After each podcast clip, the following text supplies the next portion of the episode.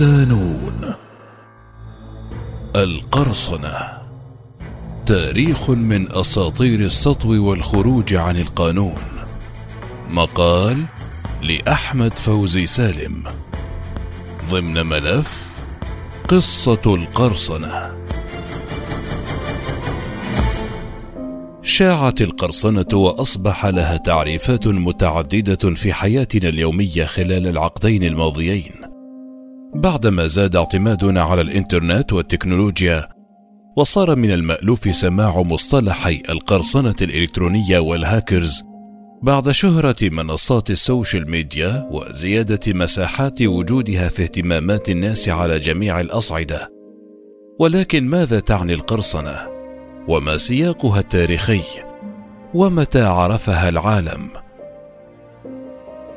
تحكي المراجع أن تاريخ القرصنة يعود إلى أكثر من ثلاثة آلاف عام. واستخدم الكلمة لأول مرة المؤرخ الروماني بوليبيوس.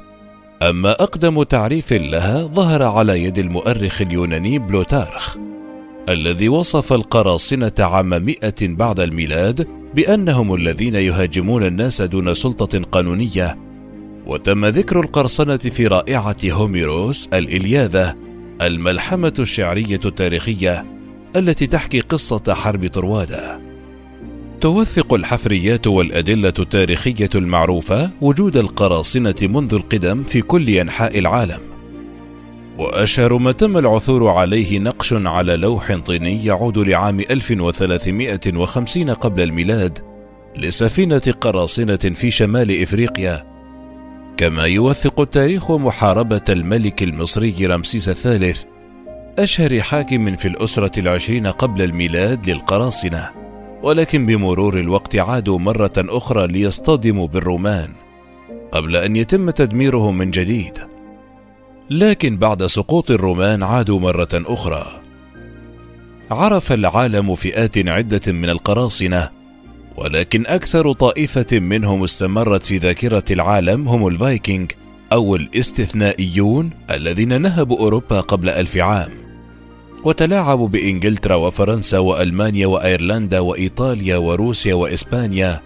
وربما من المثير للاهتمام أن نعرف أن مكتشف الفايكنج ليف أريكسون. وربما من المثير للاهتمام أن نعرف أن مكتشف الفايكنج ليف أريكسون هو نفسه الذي اكتشف أمريكا الشمالية من قبل أن يعرفها كريستوف كولومبوس الرحالة الإيطالي الشهير.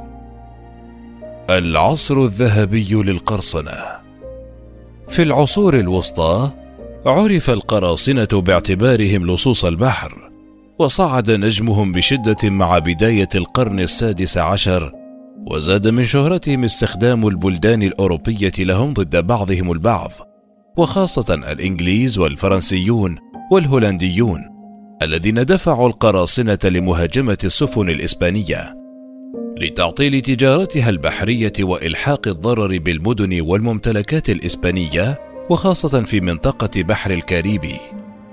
استمرت القرصنة على هذا النحو حتى نهاية حرب الخلافة الإسبانية عام 1715 ولكن القراصنة لم يتخلوا عن أعمالهم وأنشطتهم بعد أن أصبحت مهنة تجري في دمائهم. فهي ليست مخصصة لعصابات من اللصوص يستهدفون الربح السريع فقط، وإنما هي سكن لمحبي المغامرات والشهرة، فالحياة في البحر المفتوح ليست سهلة على الإطلاق، ولا يستطيع أي إنسان خوض مثل هذه المخاطر التي لا مكان للضعفاء فيها. يصنف القراصنة منذ بداية التاريخ على أنهم مجموعات خارجة عن القانون، إلا أن قصصهم كانت دائما تأخذ شكلا أسطوريا في تراث الحكاوي الشعبية لكل بلد على حدة. ولهذا استمروا في مضايقة التجار من جميع بلدان العالم، مما أجبر الحكومات الأوروبية على تنظيم أساطيلها العسكرية مع بداية القرن الثامن عشر لإنهاء غالبية أنشطة القراصنة وخاصة في المحيط الأطلسي. وقعت أكبر معركة منظمة ضد القراصنة بعد الحروب النابليونية في بداية عام 1814 وقتل أغلبهم وخاصة الذين تم أسرهم كما شهدت هذه الفترة نهاية القرصان الشهير هنري مورغان الذي أوجع الإسبان وألحق بهم الكثير من الخسائر بسبب انقلابه على أصدقائه القدامى ورفضه الانصياع للأوامر الأوروبية بالتراجع عن أنشطته. ومن هنا بدأ الانحسار التاريخي للقراصنة بشكلهم القديم فور انتهاء الحروب الأوروبية وتحول العديد منهم إلى التجارة خوفا من تنامي قوة حكومات جزر الكاريبي بعكس الماضي. فضلا عن تهديد المستعمرات الأمريكية لهم بعد أن كانت تسمح لهم بالتحرك بحرية كاملة لنهب السفن دون أي عقوبة محتملة فضلا عن الوجود العسكري المتزايد والقوانين الدولية التي أبرمت خصيصا لمكافحة القرصنة. قراصنة العصر الحديث طبيعة القرصنة تسمح لها بالتمدد في كل المجالات، وتجعل المنتسبين إليها يعبرون ذاكرة الزمن، وتسهل استدعاءهم من كتب التاريخ وأساطير الزمن الماضي. صحيح أن الأسباب والأساليب تغيرت، لكن الذهنية التي تحكمهم وسلوكياتهم شبه موحدة ولهذا يمكن تأريخ العودة إلى ظاهرة القرصنة بقوة في الواقع العالمي منذ بداية الثمانينيات وظهورهم بقوة مع أحدث تقنيات العصر مما صعب من معرفتهم والقبض عليهم كما كان يحدث دائما منذ بداية ظهور أسلافهم يوزع القراصنة أنفسهم حسب بيئتهم وطبيعة التضاريس المحصنة للبلدان القريبة منهم، فالقراصنة الآسيويون يركزون في الغالب على ممرات الشحن بين الصين والهند. أما قراصنة الأطلس منذ العصر الذهبي للقرصنة، وهم يداهمون شبكة الممرات الملاحية المعقدة التي كانت تسمى بالتجارة الثلاثية، وطورت نفسها مع تغير احتياجات وعروض الأسواق. يستخدم القراصنة المعاصرون خلطة من الحيل القديمة والجديدة، وأحيانا يرفعون أعلاما رسمية لدولة ما، حتى يسهل عليهم الإيقاع بأي سفينة في عرض البحر. وزادت هذه العمليات منذ بداية الألفية الجديدة في جنوب شرق آسيا وأمريكا الجنوبية وجنوب البحر الأحمر، وقبالة سواحل إندونيسيا والصومال وبنغلاديش كما أصبح العراق أيضا نقطة ساخنة جديدة للقرصنة لا سيما أن الأهداف الأكثر شيوعا لهم هي سفن الشحن والناقلات والحاويات. استخدم القراصنة الجدد قوارب سريعة مزودة برادارات وسونار بجانب أدوات حديثة ومتقدمة للغاية في الاتصال. وجلبوا كل أنواع الأسلحة مثل الرشاشات والتوربيدات والقذائف الصاروخية وقنابل المولوتوف وبعض التقارير الاستخباراتية تؤكد أنهم يملكون أجهزة اتصالات عبر الأقمار الصناعية لتحديد موقع السفن التي تهمهم ويستغلون محاذير القوانين الدولية التي تمنع السفن التجارية من حمل الأسلحة على متنها فكل دولة ترفض السماح لأي سفينة أن تدخل إلى مياهها الإقليمية وهي مدججة بالسلاح ولهذا مهمة القراصنة تكون سهلة للغاية في اختطاف حمولات السفن والأطقم البشرية عليها للحصول على فدية كبرى. يمكن القول إن مرحلة ما بعد عام 2008 وضغوط التجارة الدولية دفعت العالم لتشكيل دفاعات عسكرية منظمة على طرق التجارة، ومن هنا ظهرت قوة المهام المشتركة 150 التي تتكون من تحالف متعدد الجنسيات وتضم 33 دولة. واتخذت من قاعدة بحرية بمدينة المنامة البحرينية مقرا لها وجرى اختيار هذه البقعة تحديدا لسهولة التوجه إلى منطقة القرن الإفريقي وشبه الجزيرة العربية لدعم العمليات في المحيط الهندي.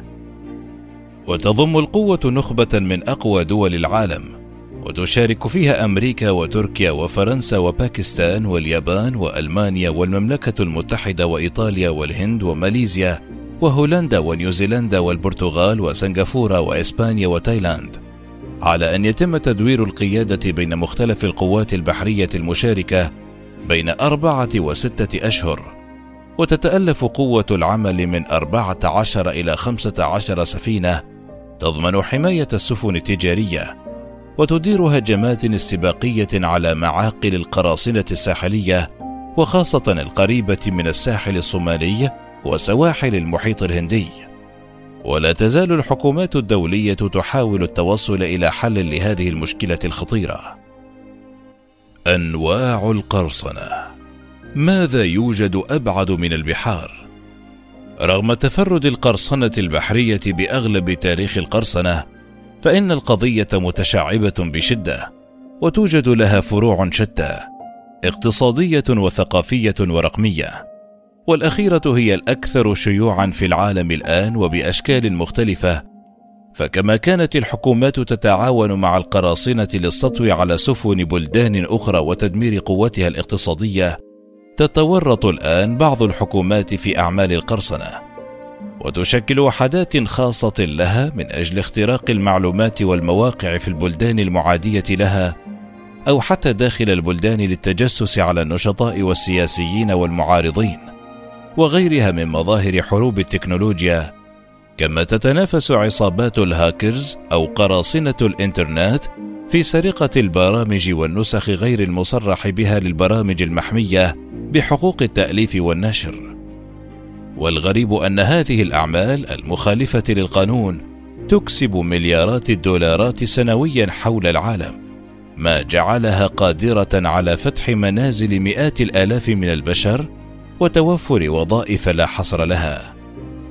أما القرصنة الثقافية فهدفت دائما إلى سرقة ممتلكات الشعوب وتراثها التاريخي والفني والمعماري وخاصة في منطقة الشرق خلال حقبة الاستعمار التي استمرت طويلا. وإلى جانب هذه القرصنة هناك نوع آخر يهدف إلى مراقبة العادات الثقافية لشعوب ما ونسخها ونقلها إلى بلاده وعلى رأسها الموضة وتسريحات الشعر والموسيقى. عرف العالم كذلك على مدار العقود الماضية توغل قرصنة الترفيه والسطو على حقوق الملكية الفكرية وتسريب أفلام السينما ومقاطع الموسيقى والدراما. ولهذا طورت الجهات المعنية في العالم من أدواتها للسيطرة على حرب الملكيات الفكرية وربما ما يضعف مجهوداتها حتى الآن في مواجهة مافيا تتوحش بشدة عاما بعد الآخر.